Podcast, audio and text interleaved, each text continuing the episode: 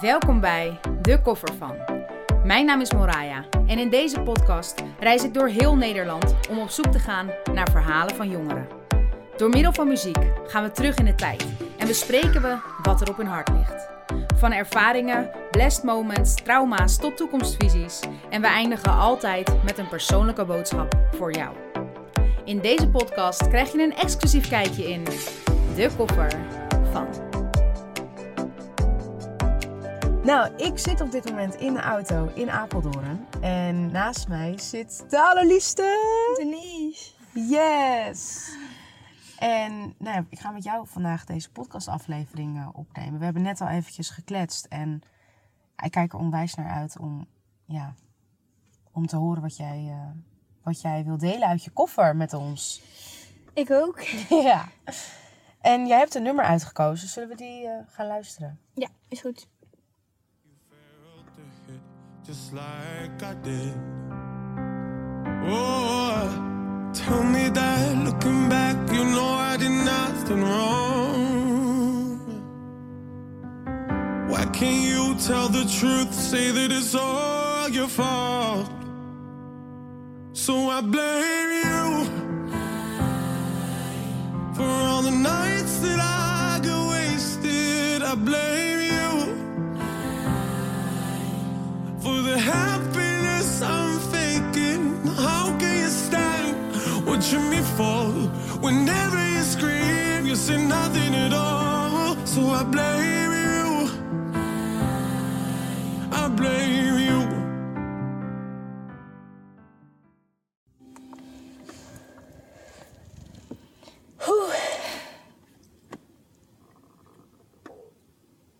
Wauw.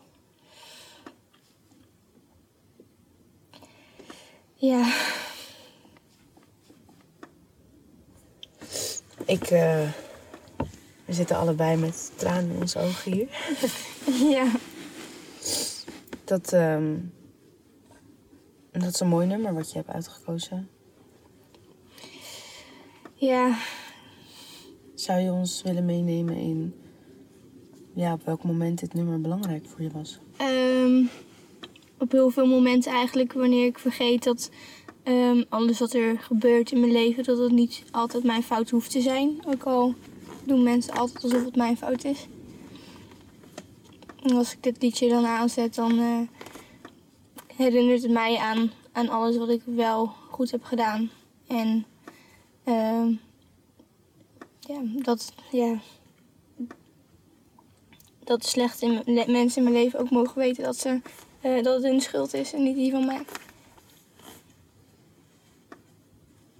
En heb je een, kan je ons mee terugnemen naar het moment waar je dan aan denkt? En alles wat ik heb meegemaakt. En ehm, hoeveel pijn me dat heeft gedaan. En ik ben niet zo goed in boos worden. En als ik dit liedje aanzet, dan ehm, lukt het me soms om boos te worden. Op de pijn die de mensen mij hebben aangedaan. En het, het, het helpt me zodat ik soms kan huilen. Wanneer alles even veel is. Want de laatste tijd heb ik die emotie een beetje uitgeschakeld. Omdat ik anders de hele dag zou kunnen huilen. Ja. Dus muziek kan je soms een beetje bij je gevoel brengen. Klopt dat? Ja, en ik herken me erin. Dus als ik muziek luister, dan voelt dat gewoon goed. Ook al met dit soort teksten. Dat je zou denken dat de meeste mensen er verdrietig van worden. Maar voor mij geeft het gevoel, ik ben niet alleen. Er zijn meer mensen die zich zo voelen zoals ik. Zeker. Helaas. Ja. Je zei net dat je even boos kan worden. Is er een situatie waar je eigenlijk heel boos op bent? Die je op dit moment zou willen delen? Genoeg, helaas. Ehm, ik vind hem lastig. Er zijn heel veel situaties waarop ik boos zou moeten zijn, maar niet boos kan zijn. Ik heb wel een situatie. ehm, met mijn gezin, mijn familie. En elke keer als ik daar ben, dat het hoe dan ook altijd mijn fout is. Terwijl het eigenlijk nooit mijn fout is als je het feitelijk bekijkt. En ehm, ja, dit, dit liedje helpt me om dat dan zeg maar niet te vergeten. Om niet te vergeten dat het niet mijn fout is, hoe vaak mensen dat dan ook zeggen. En ehm, ja, als er heel veel mensen in je leven zijn geweest die je zoveel pijn hebben gedaan en jou daarvan de schuld geven, is het soms moeilijk om ehm, dat niet te gaan geloven.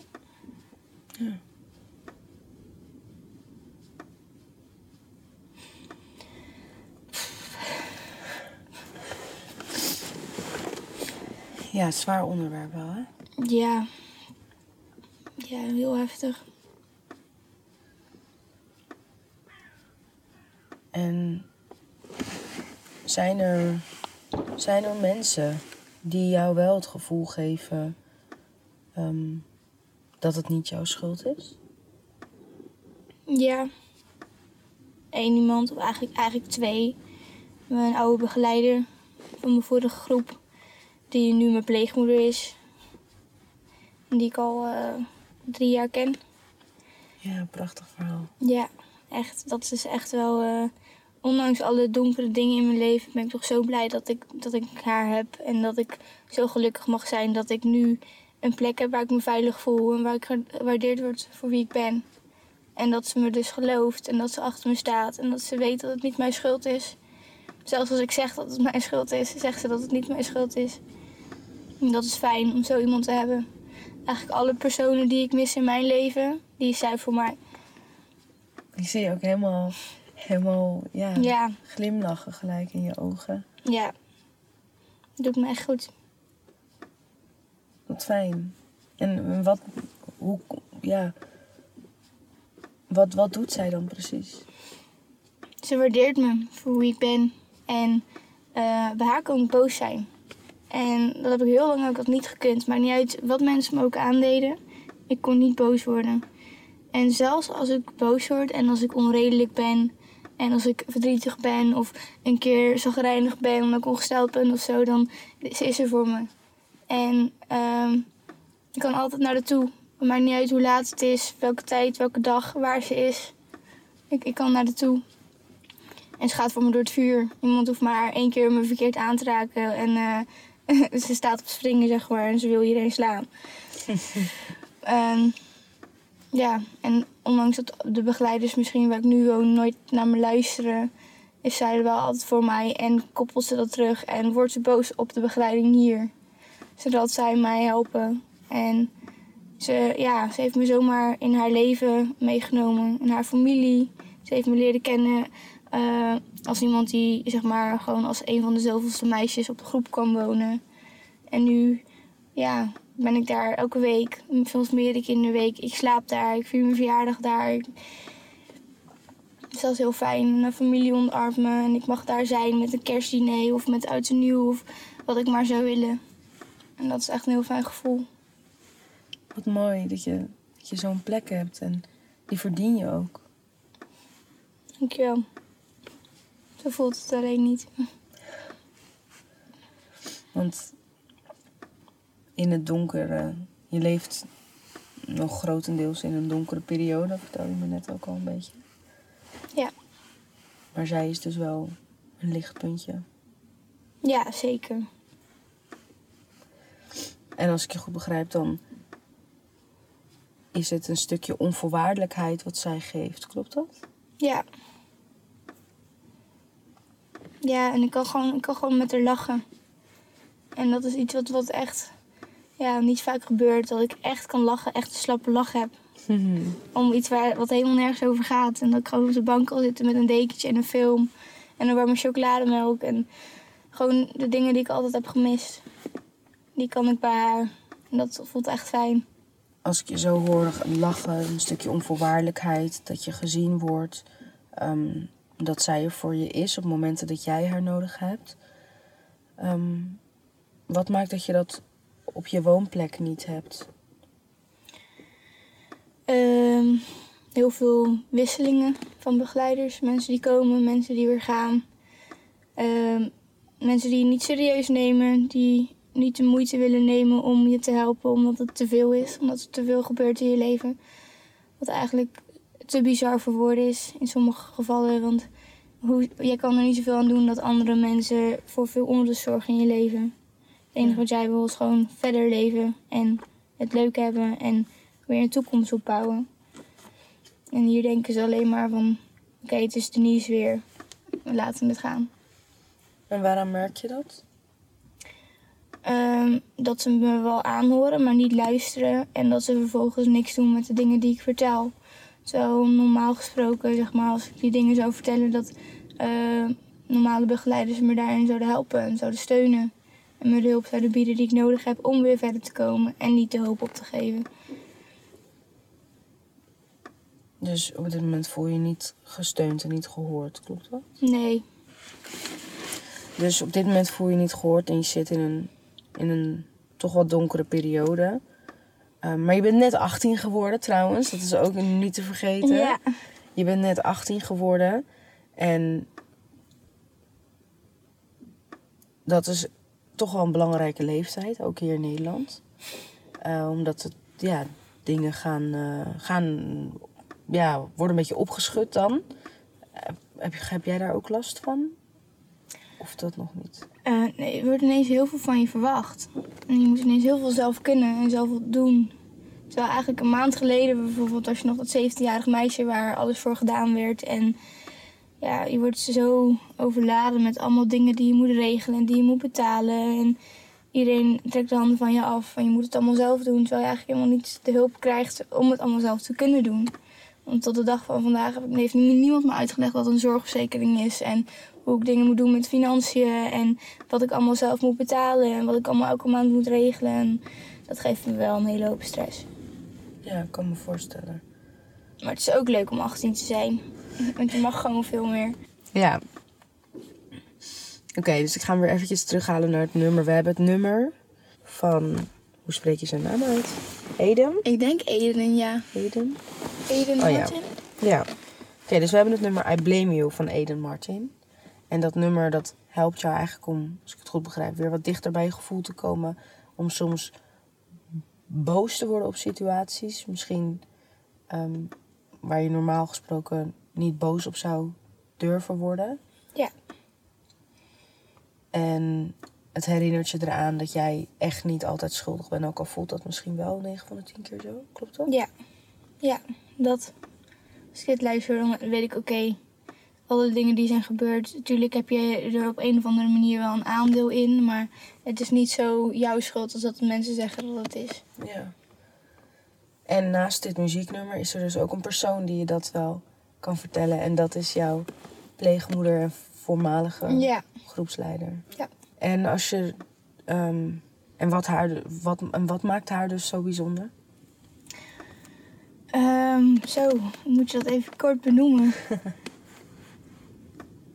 Zij heeft altijd tegen mij gezegd toen ik op, groep- op de groep woonde, ik blijf. En maakt niet uit op wat voor manier, al is het één keer in de zoveel tijd een keer een drankje doen, ik, ik laat je niet gaan. En toen dacht ik, ja, je bent al de zoveelste die dat zegt en ik geloof het niet. En eh, uiteindelijk is ze voor mij door het vuur gegaan.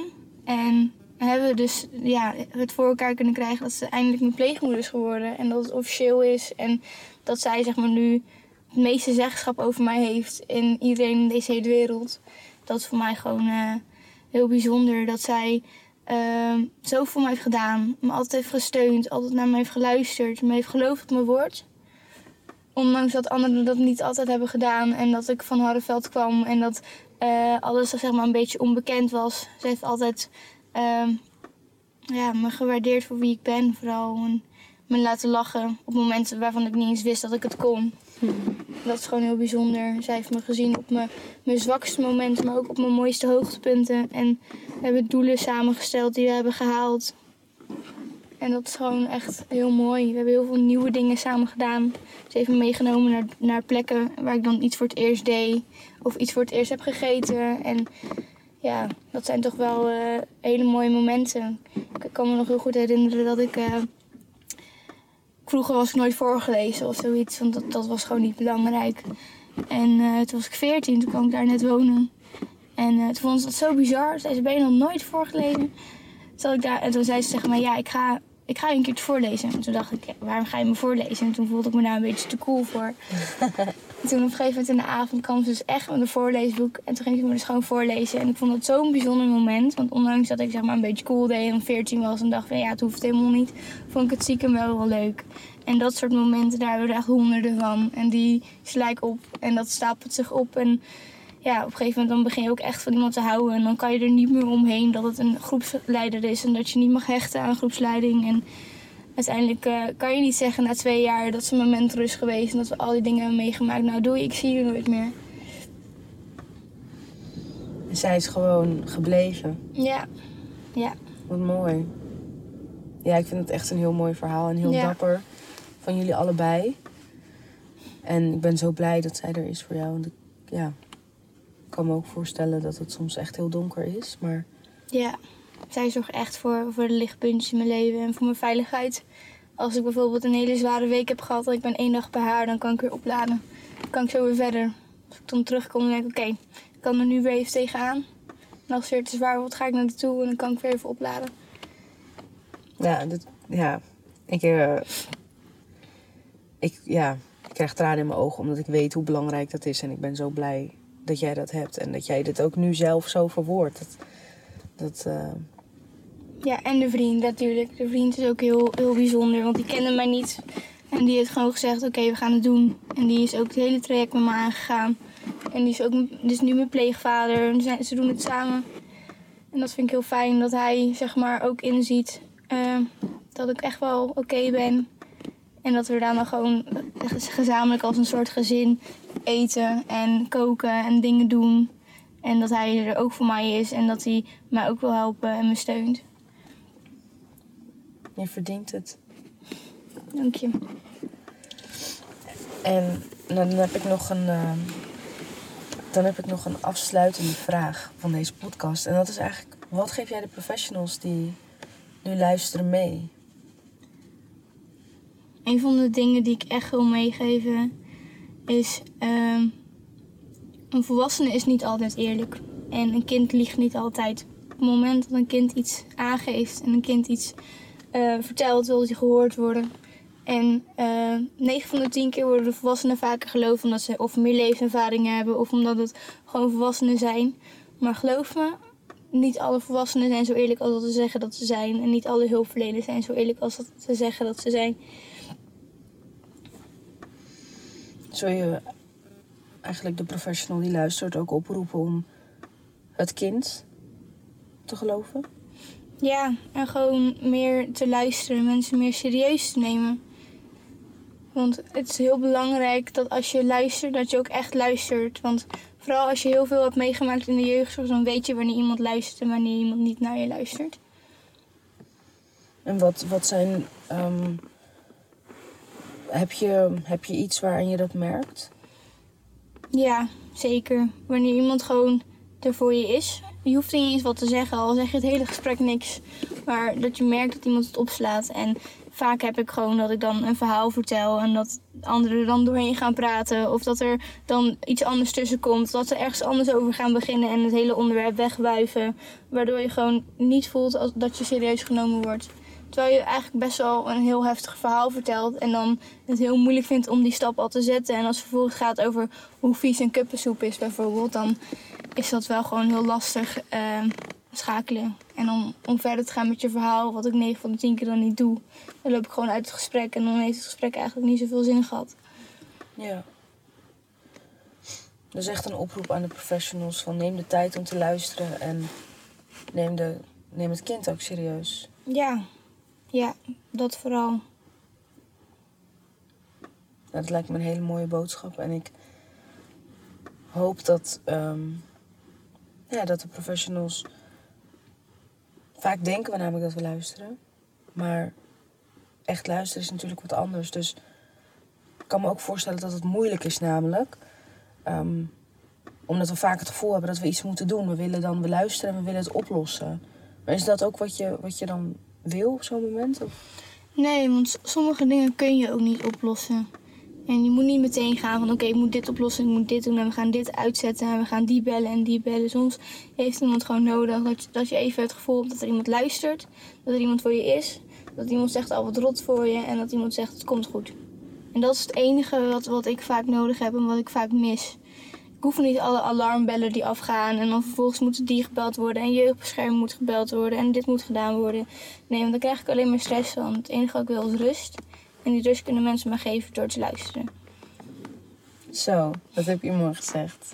Dankjewel.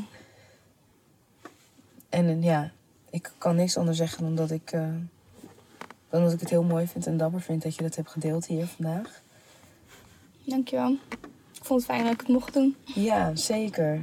Dan ga ik deze podcast nu eh, afsluiten. Ja. En dan wil ik je heel erg bedanken. Dankjewel. Deze podcast werd je aangeboden door En Jeugd. En ben jij of ken jij nou iemand die ook graag iets zou willen delen uit zijn koffer? Laat het ons dan weten. Meld je aan via www.moraya.nl. Tot de volgende keer!